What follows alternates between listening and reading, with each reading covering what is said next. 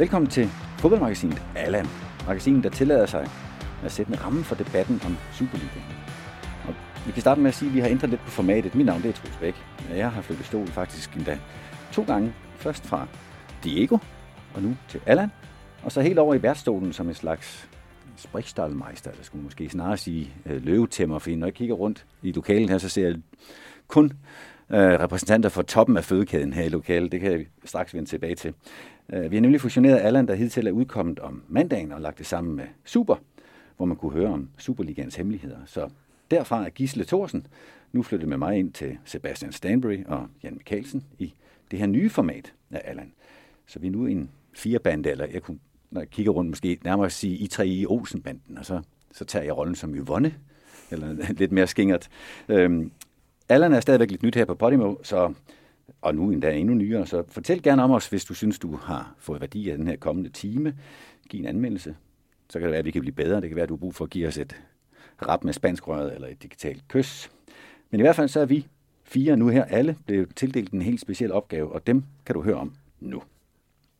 Jan Mikkelsen, tidligere landsholdsspiller, fodboldtræner, trænerudvikler hos DBU og head of football hos Nykøbing FC. Hos os er du analytiker og den hårde dommer på sidelinjen. Og hvad er hovedpunktet i Jans hjørne i dag? Jamen i dag har jeg kigget på øh, FCK's spillestil og Jes Torps udtalelser omkring at ville underholde noget mere. Være mere dominante på bolden. Og det har jeg kigget lidt på i forhold til nogle af de spilletyper, han så vælger at øh, starte kampene med. Jeg aner allerede en lille skepsis der, Jan. Det glæder vi os mere til. Du er jo også vært og redaktør på podcasten Bag om trøjen. Sidder meget flot der i den ene af Veronas gamle du siger selv, det ikke er fra guldsæsonen, men dog en af deres hæderkronede trøjer. Det er flot. Og der taler du jo med alt lige fra Carlos Seca til Morten Olsen, når han skulle være i landet. Sebastian Stanbury. Ja. Mister fodboldkultur. Du er vores fortæller, eller historiker, og du er også journalist, øh, før på Tipsbladet og nu på Mediano. Hvad har du med i kufferten i dag? Vi skal tale lidt om det meget lidt mundrette fænomen, jeg kalder AGF'ske hændelser. Øh, og så skal vi finde ud af, om vi skal tale om, jeg vil meget gerne have jeres hjælp til at finde ud af, om det rent faktisk er noget, der findes, eller om det er noget, jeg bilder mig selv ind. Ja, det kunne godt gå hen, tror jeg, at have materiale nok til en ret stor blok i den her udsendelse. Men, men vi, vi skal også forbi panelets hårde hund, den gamle graver fra Ekstrabladet, Gisle Thorsen. Du har den måske ikke så beskedende opgave endda, at komme med det, vi kalder Superligans hemmeligheder. Jeg har sådan på fornemmelsen, at vi starter med en saftig og vi, vi, skal ud til din tidligere klub, Troels. Det kan være mange klubber, vil jeg så sige. Ja, det en af dem. Øh, vi skal ud til Brøndby på Vestegn og se, hvad der skal ske i Brøndby til sommer. Og det handler naturligvis om angriber. Så det er breaking før det sker. Det, det, det kan jeg godt glæde mig lidt til. og sådan ser det altså ud, når vi laver smagsprøver. Øh, og så inden vi går til selve buffeten, så har vi et par aktuelle emner, som vi jo ikke bare kan være stille omkring, fordi der har jo været Superliga-runde øh, runde 27. Og for at starte fra toppen af, for kort tid siden, der havde de fleste af os vel sendt mesterskabet til FC København. Nu, nu ser du som døren er sparket på enten klem, eller måske endda på hvid gab. Hvad siger I her oven på weekendens kampe? Er, er guldkampen nu helt åben igen? Det er jo ja. meget, meget kort. Altså ja, det er den. Naturligvis er den det, når der ikke er en større pointafstand mellem de to hold. Og for mig at se, der bliver det, nu bliver det et mentalt spil. Altså jeg, jeg tænker rigtig meget 2012. FC Nordsjælland, FC København. Øh, da der var fem runder tilbage, der førte FCK med 6 point. Hvem skulle de møde? De skulle en tur til Farum. Den kamp taber de, så er de så nede på 3 point, og, og de formår stadigvæk at smide mesterskabet. Midtjylland er tættere på. Vinder de i Herning, så tror jeg for alvor, at der er det mentale øh, spil går i gang op i hovedet på FCK'erne. Og det ved vi så allerede noget mere om efter den her weekend og til næste, Allan, i kommende uge. Det kan også blive spændende. Hvad, hvad siger I andre to? Er der nogle afgørende øjeblikke foran os? Hvad, og der kan vi jo måske godt blive enige om, at kampen i weekenden i Herning kan blive ret afgørende. Er der andre elementer, I har set, som kan, kan skubbe læsset?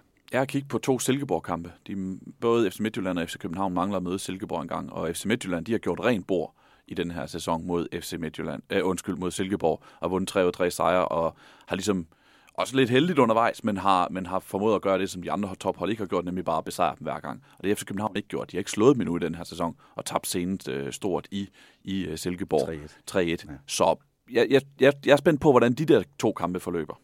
Nøglekampe, som du ser det også. Ja, tak. Øh, så skulle vi egentlig også have kigget lidt øh, i forbindelse med sidste runde og kigge frem mod kommende runde på AGF. Det gemmer vi selvfølgelig lidt til. Vi åbner rejsekufferten for, for Sebastian, og øhm, så går vi lidt videre til et andet hold, der har modgang for tiden, Brøndby. De har nu seks nederlag i træk. Det, det, det er utrolig mange, næsten historisk. Øhm, hvad, hvad, hvad sker der der? Har I bemærket noget? Jamen lige så vildt det var, at de ikke tabte i 10 kampe og vandt 9 i streg. Lige så vildt er det jo, det der sker nu. Og min oplevelse af, når jeg ser kampene, jeg står så set dem alle sammen, det er, at øh, lige så meget tur i den, de havde, da de vandt de ni streg, lige så meget utur har de nu, hvor de har tabt alle de kampe i streg. Blandt andet med at få en masse røde kort, og øh, måske også nogle dommerkendelser, som går dem lidt imod lige for tiden. Midtjylland kunne jo godt have fået rødt kort, må man sige, øh, i den seneste kamp. Så jeg vil sige, jeg er meget overrasket over den, øh, de to stimer, de har været, været involveret i. Jeg har lagt mærke til, at det der med, med uheld, det er sådan noget, man forklarer med efter kendt, øh, resultatet er kendt. Nogle gange så, så er det den forklaring, dødens årsag skal jo kendes. Øhm, så der, er, der, er der andre elementer? Har I set andet end, end de marginaler, du snakker om? Jamen, jeg, jeg tror også, det er det her med, at det udjævner sig over en sæson. Altså nu sad jeg og kiggede lidt på det her expected goal, som der er så meget tale om i fodbold i dag. Øh, og der kunne jeg se, at Brøndby lå nummer 9. Altså ud for, hvor mange man de burde have scoret, hvis man kan sige det på den façon, og lå faktisk også nummer 9 ud for, hvor mange de burde have lukket ind. Så, så det er jo et hold, der har i deres gode periode, der, der trillede det deres vej. Øh, men som Jan også siger, jeg tror, at de her tre røde kort betyder også utrolig meget. Altså, øh, fire, de fire kampe, hvor de har tilladt mest, det har været inden for de seneste seks, og, og tre af dem, det har været med de røde kort. Så det er jo også en, en del af forklaringen, og så, ja, vi kan jo heller ikke undgå at, at, at nævne Michael Ure. Nej, og, og, og han er der jo ikke. Så hvad er, det, hvad er det, de har set i spil i stedet for? Fordi de er jo lige så mange, undtaget selvfølgelig de tre kampe, hvor de rager røde kort til sig som de andre. Hvad, hvad er det, I ser, der kan, der kan erstatte Michael Ure? Er det én spiller, og så har de jo ikke fundet ham endnu. Jeg ved, du har noget i posen til at senere, Gisle, men, eller, eller er der noget struktur, noget mekanisme, der skal erstatte det? Problemet er, at lige nu har de Michael Ure af nu 2018. Det vil sige, at den Michael Ure, man købte, som ikke var et færdigudviklet produkt, dem har de i form af blandt andet øh, Karl Bjørk, som de købte i vinter, øh, i, hentet i Sverige, Mathias Kvistgaard, som er kommet ind med noget energi, der nok skal gøre ham til publikumsfavorit på Brøndby Stadion. Øhm, øh, men, men han er ikke færdig endnu, brændt blandt andet en, en ret stor, men fin tilkæmpet chance i, mod FC Midtjylland mandag aften. Så Michael Ure var også hentet en som en spiller, en spiller man måske kunne lægge på øh, udbygge øh, undervejs, så det kunne det lykkes så, at man udviklede ham til at gøre Superligas topscorer. Der havde man bare Kamil Vilcek på daværende tidspunkt til at score mål, mens man ventede på, at Michael Ure blev klar. Og de har ikke nogen Kamil Vilcek nu, og de har ikke nogen Michael Ure nu. Så de er et dødvand, mens de ligesom forsøger at udvikle de nuværende angribere. Ja, du har jo selv stået i situationen, Troels. Altså, uh. det, det, var, det var jo dig, der hentede Ure. Det kan vi jo godt rose dig for, så skal vi nok lade være med at nævne den anden, der også kom øh, der omkring Antarctic. Øh, men det er også, altså, som sportschef, hvad gør du der? Altså at sige, du har nogle unge spillere, som du gerne vil sælge på et tidspunkt, som også skal have spilletid for at blive gode på et tidspunkt. Øh, men samtidig der står der altså også bare mangler målene. Helt aktuelt. Jeg forestiller mig, nu, nu skulle vi så også burde CV, øh, som jo sidder med, med den overvejelse, men jeg forestiller mig, at det er lidt timingsbestemt. Er man i en periode, hvor man er ved at reetablere noget, så kan man godt give tid til de spillere, øh, nu kaldte du dem, Sebastian, for uger af nu 2018, øh, som, som så kan tage de skridt, som uger jo bevisligt to år øh, som Ante så ikke tog, men det er en anden historie. Han tog skridt ind i offside-positionen. Ja, rigtig mange kan jeg så konstatere også. Øh, så vi kan rose ham for hans dynamik. Jeg tror faktisk, det er noget at lave et vedmål med ham, hvor hvis jeg, jeg giver dig øh, 100 kroner hver gang du løber ind i offside, og du giver mig 50 hver gang du står offside. Øh, jeg var blevet en holdmand, hvis jeg var blevet længere til klubben. Det er en anden ting, men øh, vi, kan, vi kan jo ikke komme udenom heller, at man kan godt få point af ikke at lave mål. Man kan spille 0-0. Og nu har de jo så to midterforsvar i karantæne til den kommende kamp. Øh, Marksø, vigtige Marksø oven i købet to kamp frem. Øh, hvad, hvad ser I omkring strukturen? Jeg tænker nok meget på dig, Jan, som, ja. som træneren også. Hvad ser du omkring strukturen i holdet? Ja, men jeg ser også, at de laver lidt flere fejl opspilsfejl, og jeg synes også, at øh, de virker en lille smule usikre i forhold til forsvarsspillet, som ellers har været rigtig godt i en lang periode, hvor jeg egentlig synes også, at mange af sejrene kom i kraft af rigtig dygtigt forsvarsspil og dygtigt målmandsspil. Og øh, der er de helt klart faldet lidt i niveau i de sidste kampe. Man må jo også sige, at det er ikke en tilfældighed, man får tre røde kort. Altså det er også et, et udslags, eller et, et øh, symptom på, at man måske kommer for sent ind i duellerne, man er et andet sted mentalt, fordi tingene går imod en. Og øh, måske også mangler den sidste kølighed i de situationer, hvor kampen står og vipper. Og øh, så uheld er en del af det, men der er også noget, som man må sige, der er nogle Øh, der er nogle ting lige nu, hvor de er nødt til at stramme op, blandt andet deres forsvarsspil. Ja. Og nu kommer vi jo tilbage til Brøndby senere med dig, Gisle, og det du har i din faste blok. Øh, og ikke for at tæske mere rundt i det andet end, hvis vi kan gøre det lidt mere konkret, for jeg er enig med din betragtning, Jan, om, at det mentale spil betyder noget. Vi havde det også, og det bliver her broen mellem øh, topkampen på søndag og øh, guldkampen mellem øh, FC Midtjylland og FC København, og så det, vi har oplevet her med, med for eksempel seks nedtræk i, i Brøndby, det er, at når der går tankemøller i gang, uh, så, så, så kan der gå noget ned i benene, som ikke gavner fodboldspillet. Og med al respekt, fordi både Gisle og, og Sebastian er både trimmede og sportsentusiaste, men jeg har spillet lidt færre landskampe, end Jan har, og det har jeg i øvrigt i den grad også. Så. Det er ikke mange mindre. vi har ikke spillet lige mange, Troels, du og jeg. Ja, det er rigtigt, og ja. vi tre er, vi tre er så spillet lige mange landskampe. Øh, hvordan er det, når det mentale spil sætter ind? Altså, når, når nu... Øh, hvad kaldte han det, Bo Henriksen? Han kaldte det... Gummiguff. Gummiguff. Gummiguff, ja. Altså ja. også et helt nyt ord i dansk fodbold. Øh, når nu gummiguff er en faktor, kan du huske, hvordan, og du kan typisk have set det hos modstanderen, tænker jeg, hvordan det så giver sig til udtryk i spillet? Du kalder det at komme langsommere ind i duellerne for Brøndby. Hvad, hvad sker der? Jamen, det, det har jo noget med, først og fremmest, så, så synes jeg, at den største, øh, den første ting, der sker, det er, at du ikke vil have bolden. Jo. Altså, hvis vi virkelig taler sådan en klassisk øh, nervøsitet og bange for at lave fejl, så er det jo, at man lige pludselig ikke har nogen at spille, når man har bolden. Og øh, alle synes, at det er boldholders skyld hele tiden. Ikke? Så det der med, at der mangler noget løbevillighed, der mangler noget positionering, som gør, at man får nogle, nogle gode muligheder øh, længere frem i banen, men hele tiden bliver nødt til at clear bolden, eller bare sparke den direkte ud fra målmanden. Det er jo sådan det første klassiske symptom. Det andet symptom, det er jo, at man har tunge ben. Men på en eller anden måde, så kan man simpelthen ikke komme først ind i duellerne. Man har ikke den der proaktivitet, som man har, når man er i flow. Og når man er i flow, så tænker man jo ikke over tingene, Troels. Det ved du også så gør man bare tingene. Så tænker man ikke. Man skyder bare, man laver indlægget, man laver driblingen. Når man har gummiguff, jamen så tænker man over alt. Uh, uh, kan jeg tage bolden der? Hvad, uh, det, er også, øh, det er også lige lidt farligt nu. Nu er vi bag 1-0, så jeg gemmer mig lige lidt. Så den der med at gemme sig, og benene er tunge, og man overvejer alt for meget, i stedet for bare at gøre tingene. Så det er jo sådan tre konkrete ting, som jeg i hvert fald har set modstanderne have en gang imellem. Men jeg tror, jeg, tror, jeg tror ikke, det er så slemt med Brøndby lige nu. Nej, det kan du ret det, det, det ville det have været, hvis øh, der ikke var forventningsafstemt ude på Vestegnen. Men altså, tilhængerne ved godt, at det, det er jo ikke et, jo, det er et mesterhold, som de ser, men det er ikke et kommende mesterhold. Og der er også den der realisme. Altså, jeg har også oplevet, hvordan Brøndby Stadion kunne vende sig mod øh, deres eget hold. Og så kan du virkelig tale om gummiguff. Her, der vil de jo trods alt bare se, at, at de gør, hvad de kan. Og, og det synes jeg egentlig også, vi så mod Midtjylland. Så kan vi altid diskutere kvaliteten, men du så i hvert fald indsats det, de var utilfredse, eller det Niels Frederiksen, han, han var utilfreds med efter Midtjylland, jeg var til kampen, det var fejlene. Fordi han sagde jo egentlig, spillet var egentlig godt nok, men han var nærmest sådan opgivende om, at sige, vi må ikke lave de fejl der. Og, og det er jo nemlig også det, fordi så kommer man med en dårlig periode, og så går der 8 minutter, og så kigger man en hovedstødsduel, og så får en tandført rødt kort. Og, og det samme med, at så spiller man faktisk en hederlig anden halvleg, og der er mulighed for at kæmpe sig ind i kampen, og så fejrer man bolden væk lige foran modstanderen, eller lige foran eget felt, og så kan man score til 3-1. Så det var det, der var afgørende i den der kamp. Og der ved jeg ikke. Det, der, der sidder to øh, træneruddannede her, der måske bedre kan fortælle, hvordan man undgår at lave de fejl der. Ja, altså, jeg, jeg, jeg, jeg har en enorm lang historik med at lave den selv, så altså, jeg håber lidt på ekspertisen selv hos dig. Jamen, Nej, men, øh, men det er meget sjovt, ikke? for det, den der kæmpe fejl, der blev lavet til træet, det er jo netop, fordi jeg synes, han handler alt for sent. Ja. Fordi jeg fa- faktisk synes, at det er okay at spille bolden, fordi man skal også passe på med at sige, nu, nu må vi ikke spille vores normale spil. Og Brøndby synes jeg faktisk er normalt ret gode til at spille det korte spil i fase 1, for dermed at, at tvinge modstanderen lidt frem, og så kunne man enten spille i bagrum eller finde noget mellemrum. Og jeg synes egentlig, at bolden er okay, men det er klart, han er jo 100 år om at få afleveret bolden igen. Og det er klart, så kommer de Midtjyllands øh, øh, ja, midtbandsspillere med, med frode ud af munden, og så tager de selvfølgelig bolden frem, og så er det, ja, så er det game over. Så den der øh, handlingsparathed, det er også noget af det, jeg mener, der sætter sig lidt i benene, når man er en lille smule for omstændelig i sine øh, beslutninger. Nogen, nogen har fortalt mig, at selvtillid var cirka tre minutter og så bliver det defineret af, hvad du laver de næste tre minutter. så, så man kan jo ikke vide sig sikker, altså, når man som træner sender et hold på banen, så prøver man jo at lave en altså, prognose på, hvad de skal håndtere, og så sker der noget helt uventet, og så bliver alting sat i spil igen.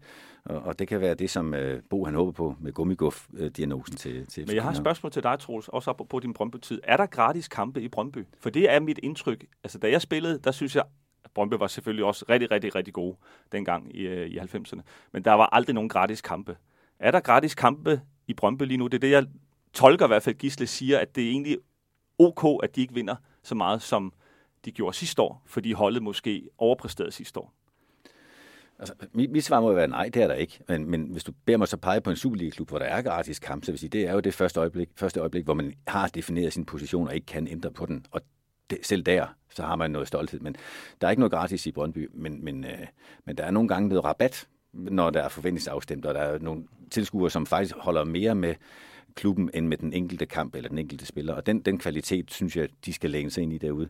Øhm, og, og så er jeg ikke i tvivl om, at det du siger, Gisle, med forventningsafstemning er helt afgørende. Det her det egner, egner sig virkelig dårligt til podcast, men nu prøver jeg at fægte lidt med armene, så i hvert fald vi fire kan sætte og kigge på det. Ikke? Også. Hvis forventningerne er på et givet niveau, og det er nu så højere end den anden hånd, som er de reelle præstationer, så bliver det mellemrum altid fyldt med et eller andet. Hvis det bliver fyldt med tankemøller, apropos gummiguff, eller hvis det bliver fyldt med frustration for alle dem, der står ude for at ikke gøre noget og hæpper, hvis det bliver fyldt med det, så er det sindssygt svært at løfte den reelle præstation op i nærheden af forventning igen. Så er der to måder at gøre det på. Sænk forventningerne, og det, og det har de jo på forhånd gjort i, i Brøndby. Eller lynhurtigt lave en plan for, hvordan man kommer op på det niveau, der forventes igen. Og, og jeg tror, du har ret, Gisle. Det jeg er... tror også, vi er blevet snydt lidt af de her, den meget lange, lange serie med sejr, sejr, sejr. Altså bare den der snak om, at Brøndby var en del af mesterskabskampen. Altså hvis du kigger på det hold, så har det jo ikke kvalitet til at være en del af, en del af den kamp, og det er vel også det, vi, vi ser nu, hvor det jævner sig ud over lidt flere kampe, end, end det var tidligere på sæsonen. Der, der sagde Niels Frederiksen noget meget interessant, også efter kampen, hvor han ligesom sagde, hvis de havde en steam på ni sejre træk, og nu har de tabt ni i træk. Hvis det i stedet for havde været sådan, at de tabt, øh, vandt to, og så tabte de en, og så vandt de to igen, og så tabte de en, og så vandt de to, og så tabte de en, indtil vi nåede de her 15 kampe, så fra glemmer vi lige, der var en AGF-kamp, der, AGF-kamp, der sluttede uafgjort, så havde det måske givet et mere retvisende billede af, hvor Brøndby var. Og så havde vi ikke talt om, at de skulle vinde mesterskabet, eller som at de var inde i mesterskabskampen, og så havde vi heller ikke talt om, om krise nu. Det ved jeg heller ikke, om vi gør, men så havde man ikke ligesom malet fanden på væggen med det her billede. Så havde man måde sådan, altså billedet er egentlig, hvis man kigger på de point, de har, så er det måske egentlig meget passende.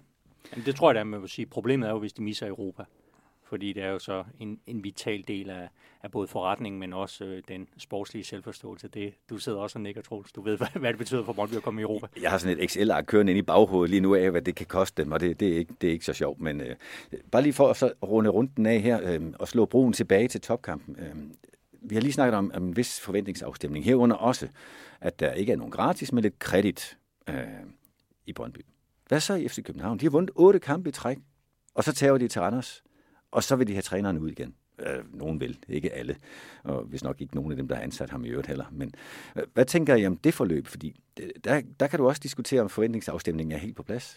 Der, der er ikke kredit i parken. Altså det er der måske i bestyrelseslokalerne og i, øh, i ledelseslokalerne, det, det er mit indtryk. Men hos publikum, der var der ikke tilfredshed med det der nederlag til, til Randers. Det var en af de andre fodboldkampe, jeg så den her weekend.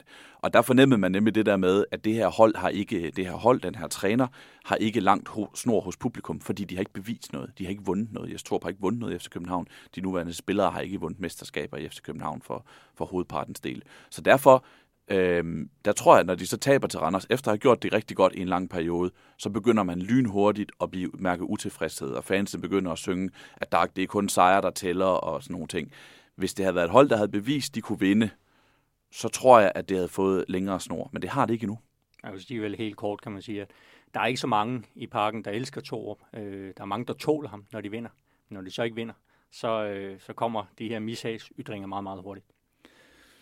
Det er meget stærkt et stærkt udsagn. Den vil jeg gerne lige lade hænge i luften i øjeblik, og det jeg tror jeg desværre, du har ret. Øhm, lad os gå videre. Vi har tre faste hovedpunkter. Inden vi kommer dertil, så har vi tre andre lige så faste, men lidt kortere format, som, som jeg godt vil bede jer om at, at dvæle lidt ved nu her. Vi har først indført et element, der hedder, element, der hedder slagte den hellige ko i Superligaen. Det vil sige, hver uge, så er der en af os her i panelet, der har til opgave at gøre op med nogle af de sådan grundantagelser, som man møder i fodboldmiljøet. Og så kan vi måske dreje den og se, om virkeligheden også helt holder. Øhm, I dag er det Jan, der har opgaven om at gå hårdt til den her hellige ko.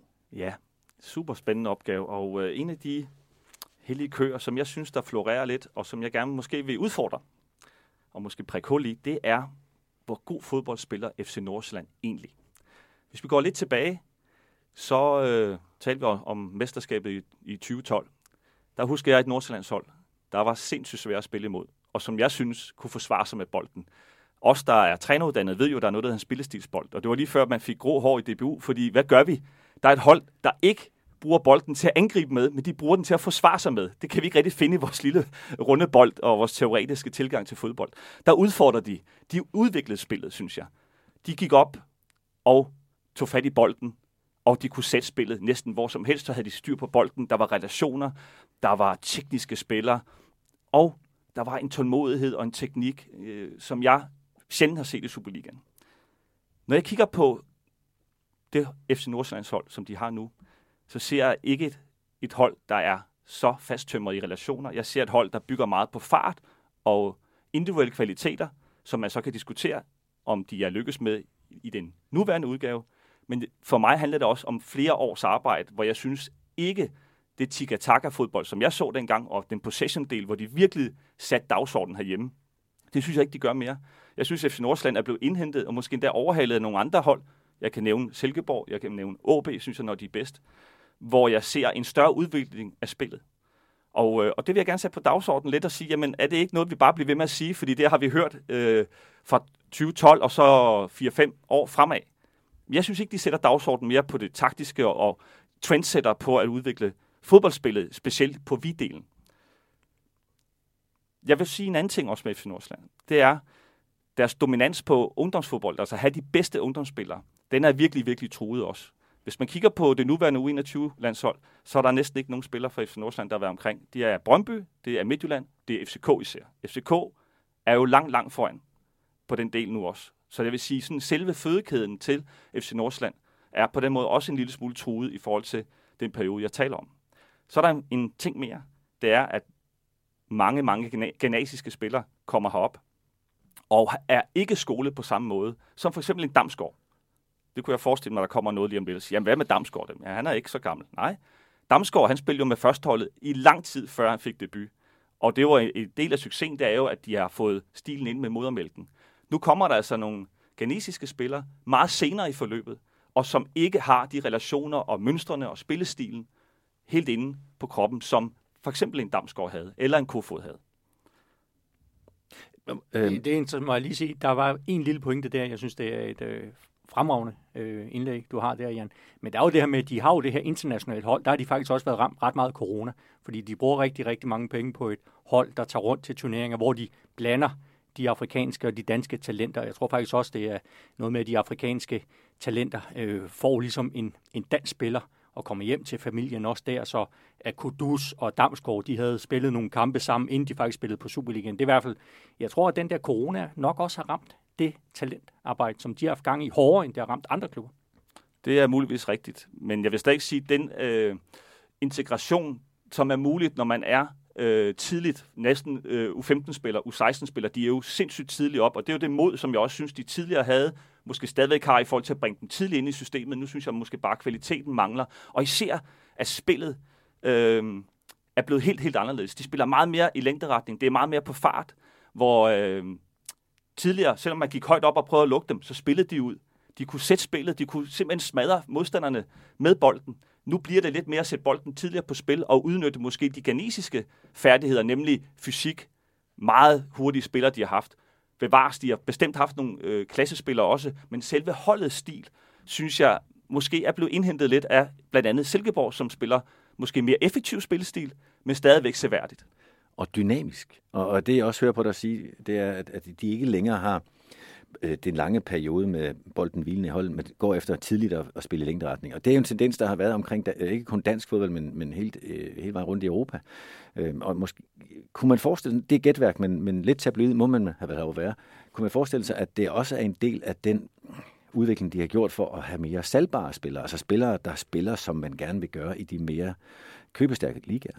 Men det er et af mine argumenter, det er, at jeg kan jo godt forstå, at de vælger de genesiske spillere frem for de danske, fordi hvis vi lige tager Kofod, som ikke er blevet solgt, meget fysisk svag, har så nogle andre kompetencer, helt klart, så er det jo nemmere at sælge en ganeser, som er fysisk udviklet, som kan præstere meget tidligere måske, end nogle af de danske spillere kan.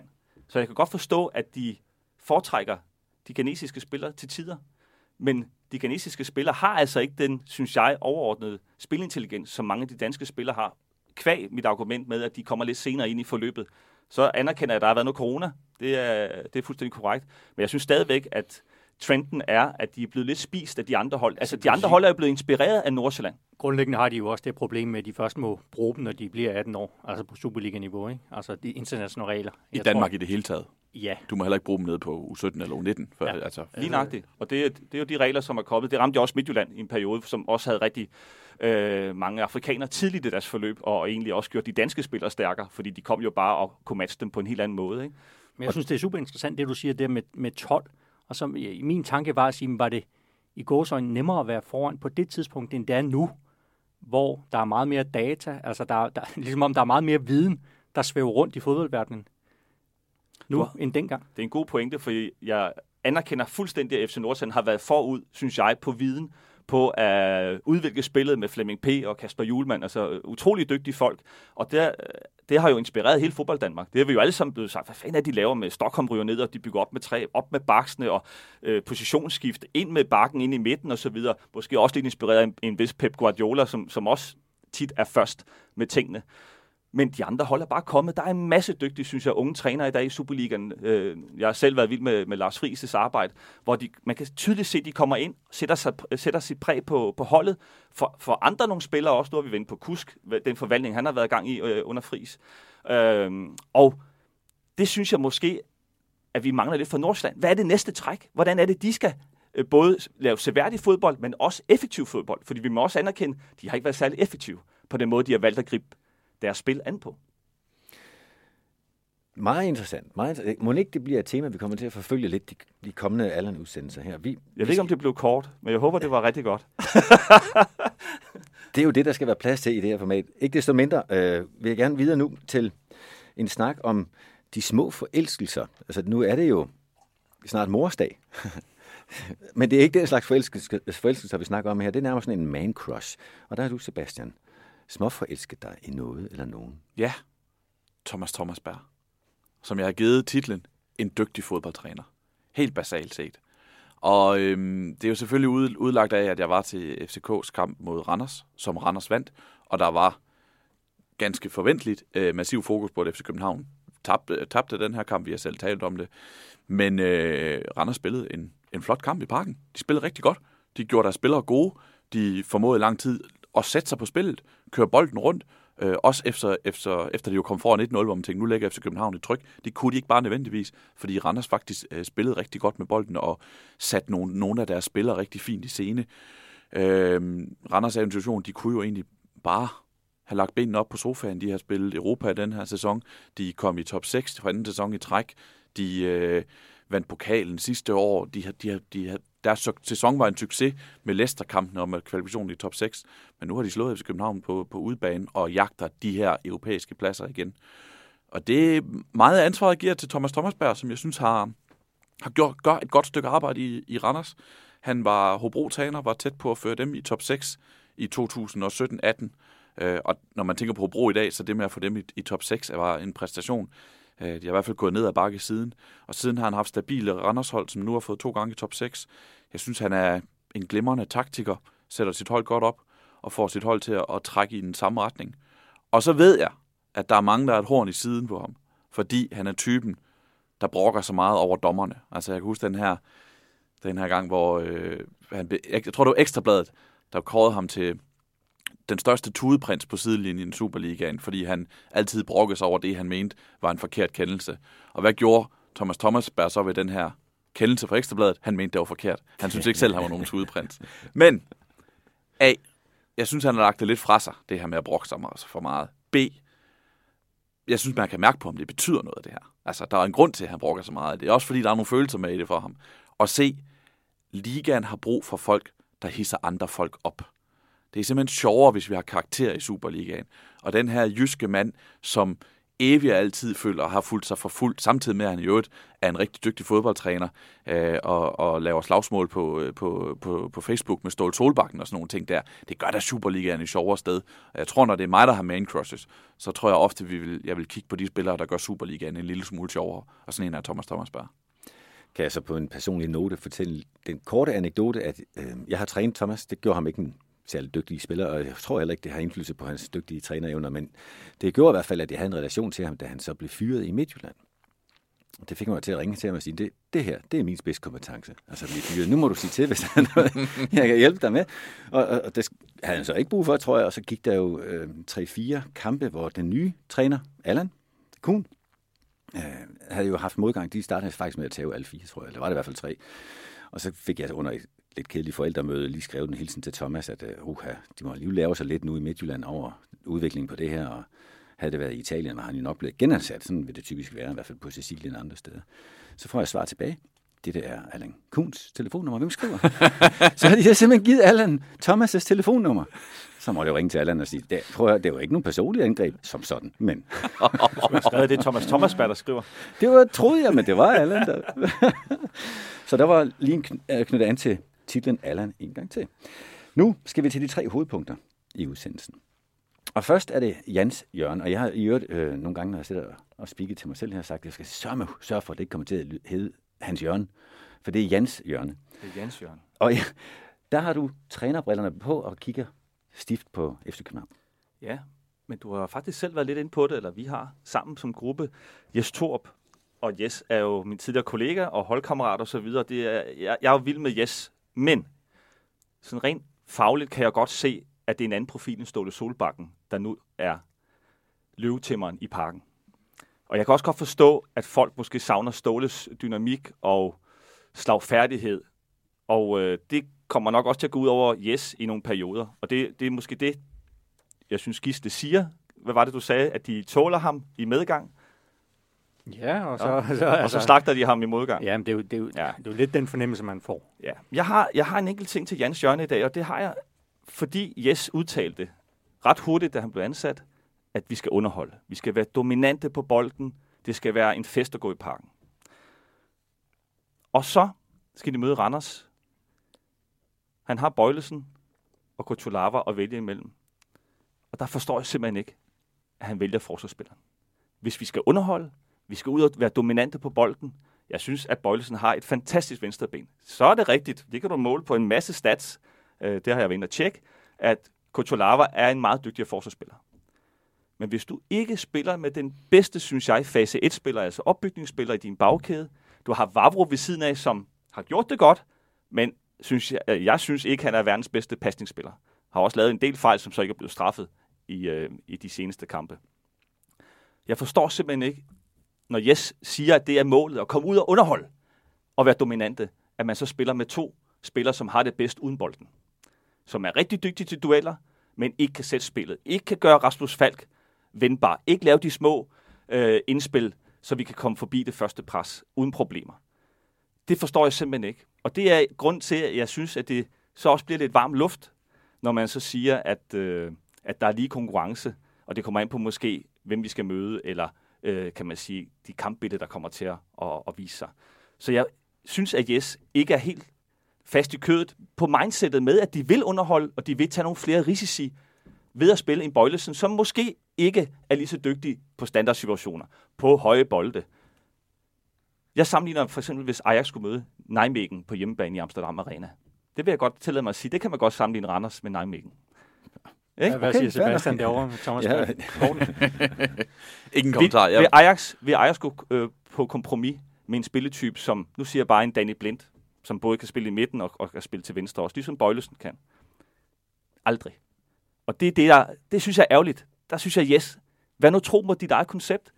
Kom ud, tag nogle risici, stå højt op på banen, tag fat i bolden, sæt spillet. Hvad tror I possession var? 47-53. Ja, det tror jeg også. Ja, 53-47. Ja, det, det er meget, meget tæt på. Det er tæt på at være meget lige, ikke? På hjemmebane. I dag et uh, kampbillede, som ikke hjælper FCK, hvor de er nødt til at tage fat i bolden. Bøjlesen kommer så også ind. Men for mig er det bare et signal om, hvis man siger, man vil underholde, så gør det. Og så synes jeg, at Bøjlesen er en spiller, man har brug for til at dominere på bolden.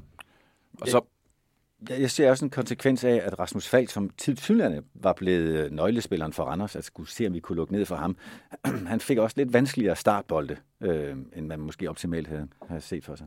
Ja, nu, nu har du fået tændt op under mig, Troels, fordi hvad er startbolden for det meste? i FCK's opbygningsspil. Den er lang. En, en bold til duel midt på banen. Ja. Er det gode vilkår for Pep Biel, Rasmus Falk? Det er det, man de andre dygtige boldspillere, de har. Et spørgsmål, det kan jeg selv lige svare på, Sebastian. Det tænker jeg, vi, Nej. det er vi enige om. Ikke? Og det er bare igen for at underbygge, jamen, apropos Nordsjællands, det mod, som de havde, og den, den trend, som jeg lige har ros, som jeg måske savner lige nøjagtigt, de udvikler, der synes jeg bare, at FCK, det er jo Ståle Solbakkens FCK på mange måder. Øh, og der savner jeg, at, at Jes gør alvor af sine ord og bringer det mindset ind, at de skal underholde noget mere. Men er FCK's problem ikke grundlæggende, at de ikke er så langt foran, som Ajax er i Holland? Altså, når Ajax møder Nijmegen, så, så er det et klassehold, der møder et middelhold. FCK kan vi vel ikke kalde et klassehold, vel ikke engang efter danske standarder. Det er et godt hold, men ikke et klassehold. Og de møder et, et Randershold, som er væsentligt tættere på dem, end, end Nijmegen er på Ajax. Altså, de, de, de har ikke det der, den der suverænitet, som de vel burde have, hvis man ser på ressourcer. Og det er lige nøjagtigt et godt øh, pointe, fordi hvis vi lige udvikler Jans hjørne lidt, så, kommer det, så lad os bringe det lidt højere op end, end bare en Bøjlesen og Kotolava-duel. Øh, Hvorfor har vi ikke nogen danske hold, der kan smadre et andet hold 6-0? Undtagen Silkeborg på hjemmebane på kunsten. Det undrer jeg mig over. Hvorfor kan vi ikke sætte spillet på positioner, på dynamik, på individuel kvalitet, så man mærker, at der er en økonomisk forskel på FCK og Sønderjyske? Øh, det, jeg har ikke det fulde svar, men jeg vil gerne byde ind med noget, der kunne øh, måske udvikle sig til sådan en af murbrokkerne i det. Det er fordi Superligaen er for de næstbedste danskere. De næstbedste. Altså, kig på FC København, som er det mest profilstærke hold i ligaen. De har jo ikke danske landsholdsspillere altså i hvert fald ikke nogen, der har en, en fast plads omkring det danske landshold. Det havde de for 5 og 10 år siden. Øh, og, og de næstbedste danske spillere, de spiller i Superligaen. De bedste spillere allerede som 17-årige i udlandet. Øh, og, og derfor så bliver det de næstbedste garneret med nogle udlændinge. Og, og, og det kan godt koste lidt på kvaliteten. Det må jeg bare ærgerligt nok sige. Derfor kan det godt være super interessant, det skal vi huske, og, og lige så begejstrende at se på. Men, men i forhold til den der overskudsfinesse i spillet, der, der, kunne det være en af, af flere forklaringer? Men man, man kan ja. også godt argumentere for, at Jan, at du har en pointe i, at man kunne netop bygge den der overlevenhed, overlegenhed, nu tager jeg dit parti, ved at sige, at vi spiller mere med den. Fordi en ting er, at der ikke er så stor forskel på FC København og Randers, og det er jeg enig i. Men det kunne man godt være, at man kunne bygge den, hvis vi siger, at vi tager de bedste fodboldspillere og forsøger at, at klaske dem. Og den her kamp kaldte jo, viste det på resultatet sig, den kaldte jo netop på, at FC København burde havde brugt Bøjlesen. Det var sæsonens mest populære indskiftning i parken, da han rent faktisk kom på banen. Det var tilskuerne meget, meget, meget begejstrede for. Og de havde jo manglet ham. Øhm, det var jo ikke en kamp, hvor de som sådan skulle forsvare sig mod, mod Randers lange bolde. Problemet var netop, at de ikke kunne holde fast i bolden. Men må jeg så, ja. med risiko for, at det lyder som øh, nærmest altså min gamle protégé og assistenttræner gennem tre år i Esbjerg, yes, øh, han kunne jo også have kigget på kampen og sagt, nu har vi vundet kamp, otte kampe i træk på godt forsvarsspil. Hvorfor skal vi nu til at vinde nummer 9 på brilliant angrebsspil? De har Fordi... vundet otte kampe på primært godt forsvarsspil. Det anerkender jeg. Og hvis det havde været Ståle Solbakken, havde jeg heller ikke taget det med i Jans hjørne. Fordi Ståle Solbakken, han vil sige, det vigtigste, det er, at vi vinder. Vi skal blive Danmarksmester, og vi skal i Europa. Jeg hører bare en cheftræner, som deklarerer, vi skal underholde, vi skal være dominante, det skal være en fest at være i parken. Så er man også nødt til at leve op til det med sin blandt andet øh, valg af spilletyper i en kamp, som skriger på en mere boldsikker, boldfast, kreativ stopper, som kan sætte spillet for FCK, så de andre spillere længere frem i fødekæden får nogle bedre bolde at arbejde med. Ja, hvis jeg lige lukker øjnene en gang og prøver at forestille mig, hvordan er FCK spillesten egentlig, så kommer der ikke rigtig noget op. Altså, og, og det gør der altså meget med nogle andre hold, altså dit eget Brøndbyhold med, med Sorniger, øh, den her sæson, Silkeborg som det aller, aller tydeligste eksempel. Men, men hvad er FCK's spillestil? Nu må jeg spørge træneren om, eller trænerne. Jamen, jeg synes faktisk, at det er et mix, for jeg kan godt se, at, at i perioder har de jo så spillet med Pep Biel på top. Måske er nød, fordi de andre, det ved jeg, du også kommer ind på på et tidspunkt, øh, indkøbende øh, ikke rigtig har slået til. Så har man prøvet at redefinere at få de bedste spillere på banen samtidig. Og det synes jeg faktisk har fungeret ok med at få de bedste spillere på bolden, og få øh, skabt øh, okay chancer, øh, i perioder i hvert fald af kampene, så synes jeg, at man er gået for langt tilbage. Men man, man, er, fanget, man er fanget med nogle, nogle forsvarsprincipper, som stadigvæk er fra, fra Ståles tid, eller i hvert fald lidt, lidt øh, Næstrup's tid også. Og så øh, har man øh, prøvet at integrere og implementere nogle nye spillere, som selvfølgelig definerer især øh, angrebsspillet øh, på lidt mere personlige, individuelle kvaliteter.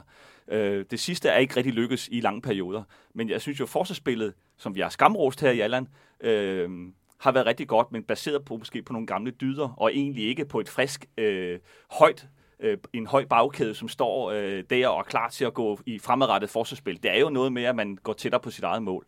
Lidt den gamle øh, DNA.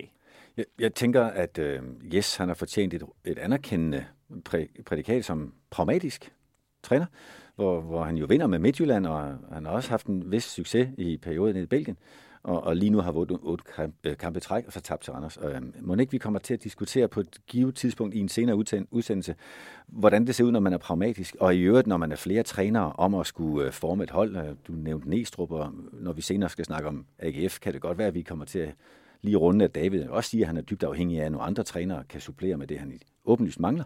Så lad os, lad os tage den og lukke den for nu omkring FC København. Meget spændende indlæg, Jan. Og så som en lille understregning af, at det er relativt nyt format, det her, så glemte jeg jo simpelthen, at vi havde tre små faste punkter, og nu kommer Gisle til at få sådan en, ja, men en du dobbeltløb. Har, du, du, har, du har faktisk lige øh, talt om manden, David Nielsen. Ja. Nu vil jeg bare læse op med og, min... Må jeg lige sige først, det som er det udstående midterpunkt, det, det er øh, citat. ugens citat. Ja, og jeg vil læse op med min egen stemme. Jeg kan ikke gå så dybt som David, men, men han har sagt til Aarhus Stiftstidende tirsdag, vi har valgt at aktivere Jon til de sidste kampe. Det er en beslutning, vi selvfølgelig har brugt tid til at træffe, men ud fra mit synspunkt en helt rigtig beslutning. Jon har vist den helt rigtige indstilling og attitude i det seneste stykke tid, og derfor ved vi, at han kan bidrage med noget i den aktuelle situation. Hvad faldt du for der?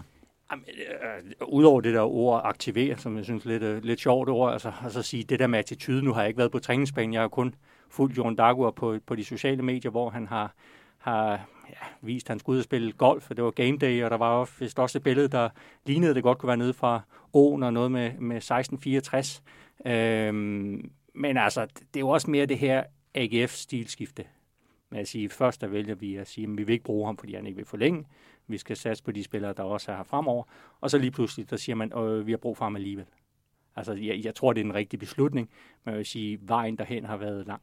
Så du antyder også, at det var den forkerte beslutning, ikke at lade ham spille? Ja, det synes jeg. Ja. Jeg ved ikke, altså det er jo, altså, sidder to kloge mennesker, øh, tre faktisk. Øh, så jeg er spændt på, hvem af os du udelukker, da du får to. hvem, hvem af os tre skal føle sig ramt nu? altså, jeg vil sige to kloge trænere. Og, altså, men det der med at sige, men hvad, hvad, hvilket signal er det også til de øvrige spillere på AGF-holdet? Jeg siger, men de ligger, hvor de gør, fint nok, altså, så sætter de en, en 16-årig ind, der kommer ind og, og laver også nogle fejl, og, og laver et straffespark og alle de her ting. Jeg, jeg vil da som spiller, hvis jeg løb rundt derinde, ville jeg da tænke, jamen hvorfor skal han ind på det tidspunkt? Han forstærker jo ikke holdet på nogen måde, og så har vi en af vores bedste spillere siddende udenfor. God pointe, og, og stærk citat. Øhm, det åbner op for en anden snak, som jeg tænker, vi tager også på senere tidspunkt, det er, hvem tog den beslutning? Både Jamen, at han ikke skulle spille, hvis, og at han Hvis skulle... jeg lige må tage den, så synes ja. jeg jo, at det er interessant. Kan du ikke lige prøve at læse starten på citatet op igen? Det var noget med vi. ja. David, han siger, vi har valgt at aktivere Jon til de sidste kampe. Det er en beslutning, vi selvfølgelig har brugt tid på at træffe, men ud fra mit synspunkt en helt rigtig beslutning. Jeg tænker bare, det er sjældent, man siger om ens egne beslutninger, at det er de rigtige beslutninger. Det er mere noget, når nogen andre har truffet en beslutning, så giver man dem ret i, at det er en god beslutning. Jeg ved godt, der står vi der, men jeg kan ikke læse det som om andet end, at Stig Inge Bjørneby har været inde over den der, særligt den der beslutning med, at han ikke skulle spille i første omgang. Skarpt. Der sidder en kritisk journalist. Op til flere vi blandt os. Og så har du din anden, dit anden faste punkt, Gisle. Det er så der, hvor du denne gang øh, får lov til at snakke om Superligans hemmeligheder, som ja. du allerede har annonceret. Jamen, jeg har, jeg har valgt at bore lidt i Brøndby. Altså, hvad skal der ske derude? Selvfølgelig også set i lyset af den periode, som de har været igennem. Det har vi allerede berørt. Øhm, men det er lidt omkring transfervinduet. Øh, og da de køber Karl Bjørk, jamen, der gik de efter den spiller, som mest lignede Michael Ure. Jeg tror godt, de var klar over, at det var langt fra sikkert, at han får succes med det samme. Det har så også vist sig at holde stik. Øh, men fremtiden bliver, eller du kan sige, konsekvensen bliver, at, at Brøndby det her vindue kommer til at gå efter en, en mere proven nier, altså en nier, som har beviser, som kan, kan score de mål, som helt åbenlyst mangler. Øhm, jeg har kigget lidt på de spillere, som de har lige nu. Altså Pavlovic, mand med nummer 9, som snart fejrer et år uden uh, scoringer i Superligaen. Uh, han virker absolut ikke til at have nogen fremtid i Brøndby. Um, fire mål i 38 kampe siger næsten så selv. Divkovic er man glad for, øh, men han er jo heller ikke en notorisk målscorer. Så har du Kvistgården, som Sebastian jo kaldte en, øh, en fremtidig publikumsøgning, hvis han ikke allerede er det. Men det er jo også meget tidligt at skulle lægge på hans skulder, at han skal bære det der Brøndby-hold. Så jeg tror lidt, at man ser Kvistgården som det her ure-projekt. Da du øh, hentede ure i Sønderjyske, starter han jo også de første sæsoner øh, på primært at være indskiftet. Jeg tror, han scorer seks mål i, i, i i hver sine to første sæsoner, inden han så eksploderer i mesterskabssæsonen. Så har du Simon Hedlund, heller ikke en, en målscorer. Otte mål scorede han sidste sæson. Det er hans bedste øh, for Brøndby. Øhm, og så er der et nyt navn, jeg lige vil, vil kaste ind. Oscar Svartau, øh, 15 år, spiller allerede U19-fodbold øh, for Brøndby, U16-landsholdsspiller. Han fylder 16 den 17. maj. Brøndby har en kamp tilbage efter den 17. maj. Det er en hjemmekamp mod Silkeborg. Jeg vil ikke blive voldsomt overrasket, hvis vi så ham få minutter i den kamp. Altså lidt som sådan lidt Rooney-rolle. Og jeg tror også, det er en mand, som kommer endnu mere ind omkring førsteholdet meget, meget snart. Altså som bliver et, et projekt, som bliver ja, det, nye, det nye unge H i, øh, i Brøndby. Men altså en, øh, en nier vil man gå efter det her transfervindue, og så vil man også gå efter en højre bak, fordi det er planen, at Andreas Pros han skal sælges til sommer. Han har kontraktudløb om ja, lidt over et år, øh, så det er et tidspunkt, at han vil meget, meget gerne afsted. Så det er, det er de sådan, to øh, største prioriteter i Brøndby. Spændende. Så er der lidt at holde øje med der. ja. Øhm, Ja, og så ved du også, Troels, øh, at det kan meget, meget hurtigt komme til at ændre sig, alt efter hvad de også måtte miste. Ja, for de planer, det, det er, hvad man laver, mens andre finder på noget helt nyt, og så skal man jo forholde sig til det. Men, men, men de har en del angriber. De har hentet faktisk i hvert fald tre inden for det sidste år, og, og det ser ud som, de er på vej igen. Jeg må sige, med, med, med Pavlovic står han jo også i den der lidt trælse situation med at sige, men han har to år tilbage i Brøndby. Hvordan kommer du af med ham? På en, øh, på en fornuftig måde. Øh, det, er jo, det er jo lidt ja, anti-Ertek-casen om igen. Altså, man, man misser jo på noget, og, og sådan må det være. Men jeg tror heller ikke, vi kan se et Brøndby-hold, der bare kan sige, men så giver vi Kvistgården fuld tillid og lader ham spille. Han, han gør det jo godt, men, men de er jo nødt til at få en spiller ind, som de ved kan score. Hvis, hvis alle kunne finde sådan en, de ved score, så ville jo, det være men, nemmere men det, at jo, jo, men, det er men, det, det, men det er jo ikke det der håbet om, at han på et tidspunkt kan score. Det er jo lidt at sige, men det er jo for hulen, det Brøndby har behov for. Altså, du har selv haft ham med, med Kamil Vilcek jamen der var det altså også lidt nemmere at så hente en Michael Ure ind og give ham lidt den der tid for at sige, du skal vente til Brøndby. Og så knækker han lige pludselig koden. Det er ikke alle, der gør det. Men altså, det, det er jo lidt et problem, når du ikke har en, der scorer mange mål. Og der er jo heller ikke noget i, i Solomon, der tyder på, at Simon Hedlund lige pludselig går mål amok. Det, det er sjovt med de der med... Det er så fuldstændig noget af det, jeg, jeg kan ikke fordrage angriber, der ikke scorer mål. Altså, så er det sagt lige ud. Det, det, det, er så, det, er så, det er så farligt at have en spiller på den der position, øh, som fylder, udfylder positionen for en, som kunne gå ind og lave nogle af de mål, man har brug for at vinde fodboldkampe. Og, og det mangler de jo lige nu, og det siger sig selv i Brøndby. Og netop Kvistgården, som jeg rigtig godt kan lide, han, han har, i, de havde det svært i parken, da de taber derinde, og der får han en kæmpe chance og, og sparker den ved siden af. Og så havde han en mod Midtjylland, hvor han kæmper sig til en, til en rigtig, rigtig stor chance og sparker den over mål.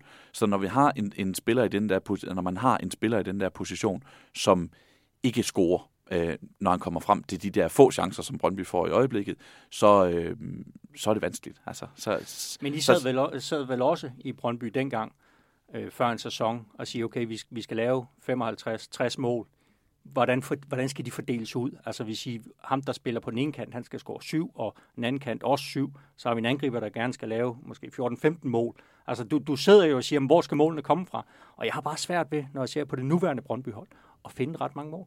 Jeg skal lige skynde mig at sige til Kvistgårdens øh, forsvar, han scorede jo også et mål, da de blev spillet ud af brættet op i Silkeborg og vinder 1-0. Og, øh, og man ser bare tit med de meget, meget eksplosive spillere, som jo også var den kvalitet, antager jeg, der gjorde, at han blev på banen modsat Divkovic, da de øh, skulle spille i en ny formation i undertallet. Fordi hans øh, spritsighed, som er et sjældent dansk ord, men ikke, men ikke, øh, den gjorde, at han blev prioriteret der. Men, men så spritsig spillere har det jo også svært ved at gå ned i tempo i afslutningssekvensen. Altså lige at øh, få ro på det. Så, så det er et billede, man ser meget ofte, også for ældre spillere end, end en 20-årig. Tak skal du have øh, for det, Gisle. Øh, du vender mig mod, ja, nu siger jeg Dr. Stanbury igen, fordi det bliver sådan lidt, øh, ja, et, et en indbilsk oplevelse af, at du ser noget, jeg ikke nogensinde har set før, så heller du ikke med det. Nu glæder jeg mig meget til at høre, øhm, hvad du mener med AGF'ske hændelser. Ja, hvad mener jeg egentlig med det? Det håber jeg selv finder ud af i det kommende stykke tid. øhm, jeg så et tweet fra Jan Skovby, som er chefrektør på Aarhus Stifttidene, i, øh, efter, der seneste, efter weekenden, hvor han skriver, AGF blev nummer 4 i sidste sæson, køber så spiller for 42 millioner kroner, og nu er en nedrykningsfar. Det er ikke noget, vi har oplevet før. Det har de totalt ikke gjort før i Aarhus. Men på en eller anden måde, så føles det meget AGF'sk. Og derfor tænkte jeg sådan, hvad har der egentlig været sådan af AGF'ske hændelser inden for de seneste par årtier? Og hvad er en AGF'sk hændelse? I min bog er det sådan en lidt skør, uforudsigelig historie om en nedtur, og så må der godt være et element af force majeure i den. Og man må godt tænke, det kan kun ske i AGF. Og det føles, I må give mig ret måske, eller være uenig, det føles meget AGF det der med, og så har man to gode sæsoner, og så kommer, bruger man endnu mere skal lægge yderligere på, og så går det den forkerte vej. Jeg har udvalgt fem øh, AGF'ske hændelser, og de, nogle af dem er gamle. Vi starter tilbage med den klassiske, 22. oktober 2003. AGF taber 4-2 til OB, og AGF på vej hjem, så øh, Frank Heskær diskuterer med klubejer Kurt Andersen og marketingchef Børn Christensen, så øh, Paul Hansens rolle, og får bekræftet, at øh, Søren Åkeby skal være ny træner i, øh, i, øh, i klubben. Og det skal altså på et, et motorvejstoilet ved Vejle, og der er en, der hører det, og det ender i Aarhus Stifttidene. Det, det kunne kun ske i AGF, det her. Og dansk, dansk rigtig dagen efter, så bliver øh, Paul Hansen fyret som træner for AGF, og øh, Søren Åkeby han overtager. Det næste, det er så, at den, hans afløser, Søren Åkeby, siger, jeg vil gøre AGF til, det siger han i efteråret 2003, jeg vil gøre AGF til mester på tre år. Det vil så være med lidt hurtig hovedregning i, 2006. I 2000, han er stopper to år senere, og i 2006 rykker AGF ned. En AGF's kendelse. Så hvis vi springer frem til 2009-10 sæsonen, AGF indleder helt fremragende ender med at starte med at tale mesterskab og medaljer i den her sæson, og det gør de. Jeg har været tilbage og tjekke. Det er ikke bare noget, vi sådan husker tilbage. Der var sådan virkelig snak om guld, sølv og bronze. Ender med at rykke ned. Og det skyldes blandt andet, siger træneren selv, at han var af sexafhængig på daværende tidspunkt. At Erik Rasmussen havde en sexafhængighed, der gjorde, at han ikke kunne... Øh, det gav problemer i hans privatliv. Det gjorde, at han ikke kunne fokusere på sit øh, trænerarbejde, og så endte AGF simpelthen med at rykke ned. Og jeg kan ikke komme på nogen andre klubber i verdenshistorien, hvor det er sket, at en klub er rykket ud, blandt andet fordi træneren han havde problemer i sit privatliv på grund af en sexafhængighed. Det kan godt være sket i Italien på et eller andet tidspunkt, det skal vi ikke overvise. Øh, og så fjerde AGF'ske hændelse, fire år senere, øh, det er en tæt liga. AGF ligger efter første spillerunde i foråret, ligger AGF nummer 8. Der er tre point op til fjerdepladsen, to point ned til stregen. Så man ligger meget i et midterfelt her. Og så fyrer man Peter Sørensen, erstatter ham med Jesper Fredberg, der får to sejre de første tre kampe, hvorefter man taber 11 kampe i træk og rykker ned. Og den sidste, det er sådan en, der ligesom samler alle årene. Det var ham her, Heino Hamborg øh, Gudmundsson, som i 2018 vandt, øh, nej undskyld, 1998, det er meget vigtigt, vandt et sæsonkort og to billetter til AGF's næste udebanetur i Europa.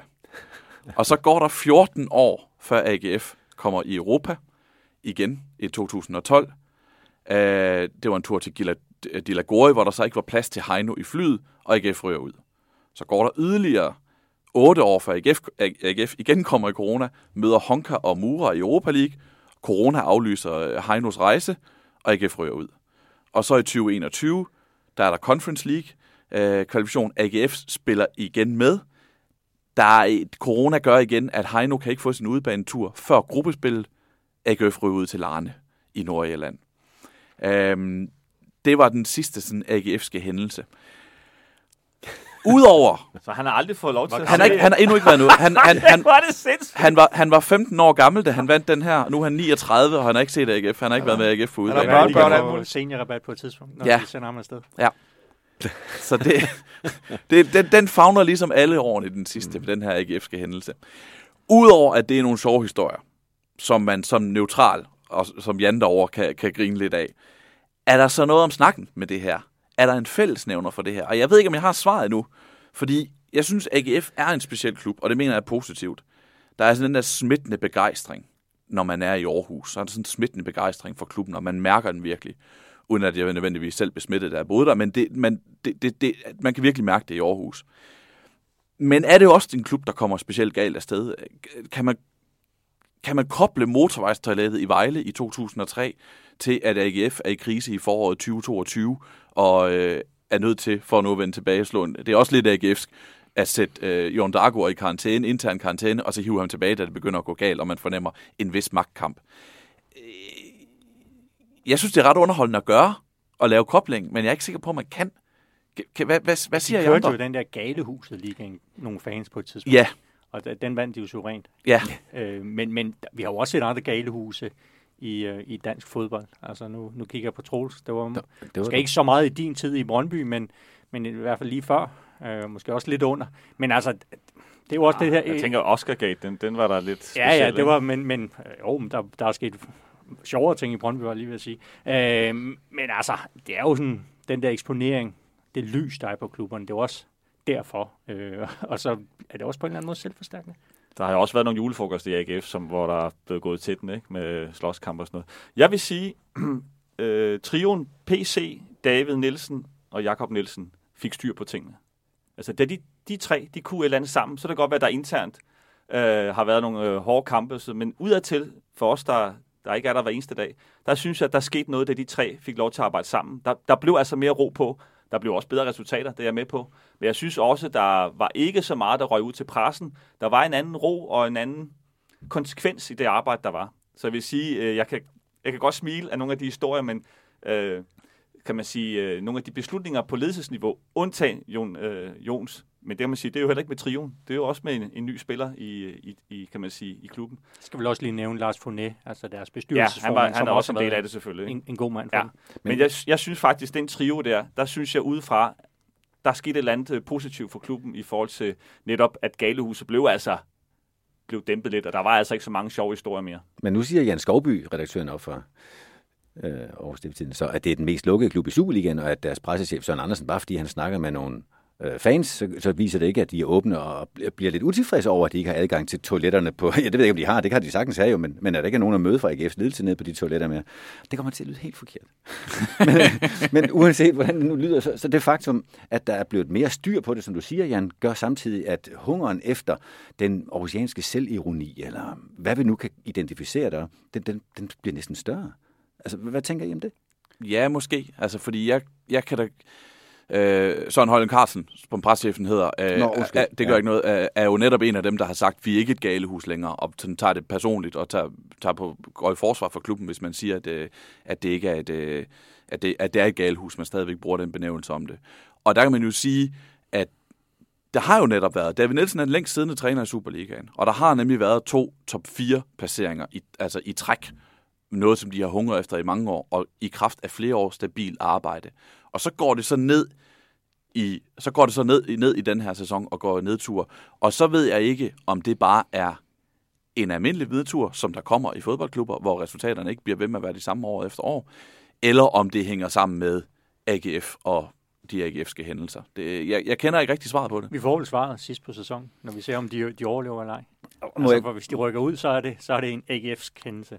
Og må, må jeg sådan lige på, på faldrebet her så spørge, har I en prognose på lige præcis det spørgsmål? Altså, det er jo gratis lige nu, men jeg står simpelthen vagt ved havelånen, når vi når skældsdatoen, og vi skal se, hvem der havde ret. Hvad, hvad, hvad siger I for AGF? Hvad kommer der til at ske i fortsættelsen? Jamen, nu spurgte du tidligere, hvad vi glæder os til. Jeg vil sige, jeg glæder mig sindssygt meget til at se OB mod AGF i den kommende runde.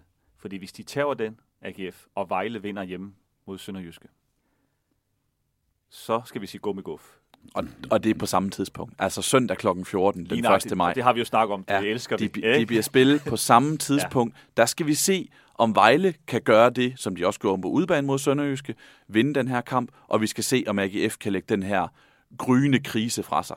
Det bliver spillet på samme tidspunkt, og det er de to kampe, der ligesom skal måle over mod hinanden. Det bliver rigtig sjovt. Jeg sad og kiggede lidt på nogle, nogle tal omkring AGF, og det er sådan lidt, det er skrækkelig læsning, hvis man er AGF-tilhænger i hvert fald. Nu får I lige, altså den laveste boldbesiddelse i Superligaen, AGF, laveste procent, succesfulde afleveringer, AGF, færrest antal afslutninger, AGF, færrest chancer skabt, AGF, færrest åbne chancer skabt, AGF, færrest antal afslutninger på mål, AGF, færrest afslutninger i feltet, AGF, og så har de sørme også den laveste XG.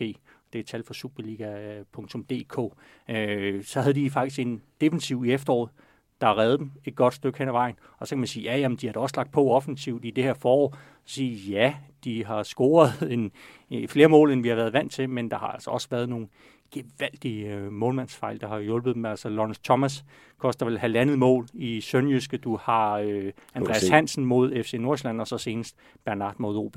Så altså, jeg vil, det er lige før, jeg vil sige, at de har øh, tæt på, jeg vil sige, de har øh, den dårligste offensiv og en af de dårligste defensiver i øjeblikket. Det vil så trøste sig ved, at da de vandt bronze, der var de også øh, langt under midten i forhold til antal øh, pasninger og boldbesiddelse. Men det er jo, det er jo dystre tal, du nævner der, Gisle. Det, og tak for den øh, kuglegraver kvalitet, du har fremvist der. Jeg skal lige også sige også øh, tak til Sebastian for at lige hjælpe mig til at, at rense alle Søren Andersen i det her land for at være tillukket, for det er jo selvfølgelig, som du sagde. Han var spiller, tror jeg. Du må have haft ham.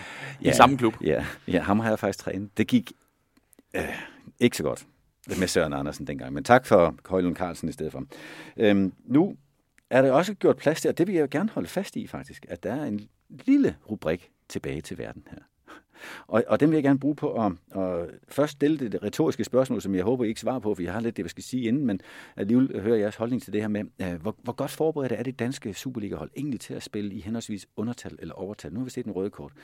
Uh, Brøndby har tre gange på de sidste seks nederlagsramte kampespil i undertal, og det er så deres træning, kan du sige. Det får de øvet rigtig flittigt om søndagen. Øhm, og, og jeg så også en vis struktur øh, i kampen mod Midtjylland, hvor de jo faktisk ikke var mærkbart dårligere i under... Jo, jo, det var nok dårligere, end de ville have været med 11, men ikke mærkbart dårligere end FC Midtjylland. De havde en meget fin struktur omkring, hvordan de skulle både forsvare og iscenesætte noget, noget offensivt. Men jeg har også været på Vejle Stadion og set dem mod Nordsjælland her for otte dage siden, eller hvad det bliver til hvor de spillede med den forlængede spilletid, der var på 10 minutter ekstra. 90 minutter i overtal. Uden jeg så, jo jo, de skiftede lidt i pausen fra den trebak øh, linje, de havde brugt hele første halvleg i overtal på at beholde bag ved bolden, plus to midtbanespillere, der faldt ned og modtog den i opspillet. Så de havde fem plus egen målmand under modstanderens forreste, og derfor kun havde indlæg tilbage. Et indlæg, som jo skal vi sige, udligner undertal, så er målmanden fra modstanders hold jo mere end en aktør. Øh, så så det at se en kamp, hvor et hold i en kamp, som faktisk måske går hen og bliver helt afgørende for nedrykningsspillet, eller hvem der rykker ud, at de i hvert fald for en relativt kritisk og håber jeg også opmærksom tilskuer som mig, ikke fremviste en plan for i løbet af 90 minutter at spille i overtal. Det, det er ret væsentligt. Øh, alle holdene kommer til det på et eller andet tidspunkt. Øh, Randers er det eneste hold, der ikke har prøvet at spille i undertal. De har simpelthen ikke fået nogen smidt ud. Til gengæld har de prøvet i en kamp kun at spille i overtal, og det var fra det 92. minut op i Aalborg. Så man kan sige, de har jo så ikke haft det inde på livet på den måde, men ellers, både i mindre betydningsfulde og så i særdeles betydningsfulde kampe, som, som Vejle mod Nordsjælland, der er det en, en, en, en skal vi sige, et apparat, man skal have på plads, for også at kunne enten udnytte eller begrænse den skade, der sker i undertallet. Og jeg har ikke en recept på, hvad folk skal gøre, altså så var det jo min metier at rejse rundt og, holde kurser om det, men, men jeg har da lagt mærke til, at der er mange, der har en udgangspunkt, et udgangspunkt i at spille 4-4-1 defensivt for ligesom at dække banens bredde af, og så offensivt nærmest at trække de kanter ind, så de spiller 4-2-2 og 1 på toppen, fordi så er det da et overtal ind i midten. Altså, der er mange tilgange til det. Man kan også vælge alt muligt andet, som ligger i forlængelse af den spillestil, man allerhelst vil komme igennem på. Men jeg noterer mig, at det kan i hvert fald for mig alt for ofte være svært at se et synligt modtræk til, når man enten bliver i under- eller overtal. Og der er altså mesterskaber og nedrykninger gemt i den kvalitet. Øh, hvad, hvad, Jan? Jeg synes, må man godt sige noget, mens ja, du, må meget gerne. Også mens. Bare, ja. også mens. Jamen, jeg, jeg synes fandme, øh, ja, det må man ikke sige, man må ikke bande. Jeg synes virkelig, det er godt ramt, fordi jeg tror med alle de ting, og det ved du i hvert fald alt om, Troels, med alle de år, du har været træner, der er alt, man kan træne. Ikke? Man kan jo træne alt. Der er så mange ting i fodboldspillet, hvor man siger, at ah, der kan vi godt blive lidt dygtigere, nye relationer, bla bla bla. Så tror jeg faktisk, en af de ting, man skipper lidt over, som faktisk har kæmpe impact, det er at spille enten overtal eller undertal. Og på grund af var kommer der flere øh, røde kort. Øh, det er bevisligt. Så, så jeg synes, du har en pointe, men jeg er også lige så overbevist om, at hvis trænerne skal vælge imellem at træne indlægsstrategi eller afslutningstræning, i forhold til at træne øh, et segment, lad os bare sige, man træner et kvarter på, at vi enten er i overtal eller i undertal, så ved jeg godt, hvad der bliver skibet i den daglige prioritering. Det er ikke det samme som det er rigtigt. Men jeg tror, at det er en, en af de ting, som trænerne simpelthen ikke kan få ind i programmet med alle de andre ting, der skal nås. Men Randers skal så med, med sindsro lige nu sige, at det har også spild af tid måske. Men det ved vi så ikke. Men, men tænk sig at skulle gå i en kamp, og så f- at skulle håndtere noget af det mest Jeg afgørende. synes, har, har Holden ikke øh, ret godt styr på, hvad gør vi, hvis vi får en spiller smidt ud? For der kan man sige, der er, der er problemet måske større. Altså, det, det er jo tankesættet, ikke? At du siger, okay, men den ved vi. Okay, så gør vi sådan, når en angriber ud, og så bliver det den der 4-4-1. Men omvendt, som du siger, hvad gør vi egentlig, hvis vi bliver, bliver en mere? Men, men jeg, jeg tænker, det ligger måske lidt tilbage til det her med, at danske hold traditionelt set har været rigtig, rigtig gode til at organisere sig, til struktur. Men det har vel primært været defensiv struktur, apropos øh, vores snak tidligere omkring, hvad gør Ajax, når de møder Nijmegen? Altså, der har de en offensiv plan, øh, hvor vi i Danmark måske i højere grad har haft den defensive plan forud for den offensive.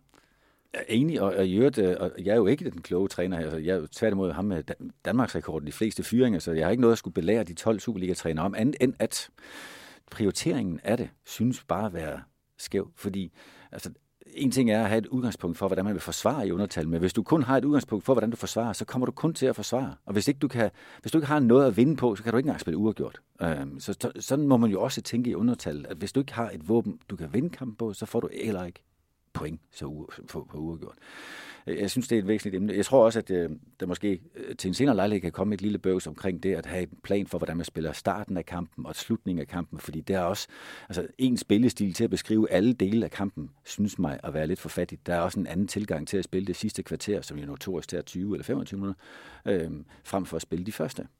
Det kan vi vende tilbage til i en kommende udsendelse. Forløbig vil jeg lige spørge, udover I glæder jer flere af jer til at se AGF mod OB eller FC Midtjylland mod FC København. Er der andet, I sådan sidder og kigger frem mod øh, til den her weekend, som vi kan runde, når vi mødes igen i næste uge? Jeg synes faktisk, der er, der er, nogle, der er nogle fede kampe. Altså ja, søndag klokken, klokken 14 er, er rigtig interessant, men FC Midtjylland, FC København, og så er der simpelthen Silkeborg, Silkeborg OB, bliver der også en, en spændende kamp i mesterskabsspillet. Så det, det er en ret fed fodboldweekend, vi har foran os.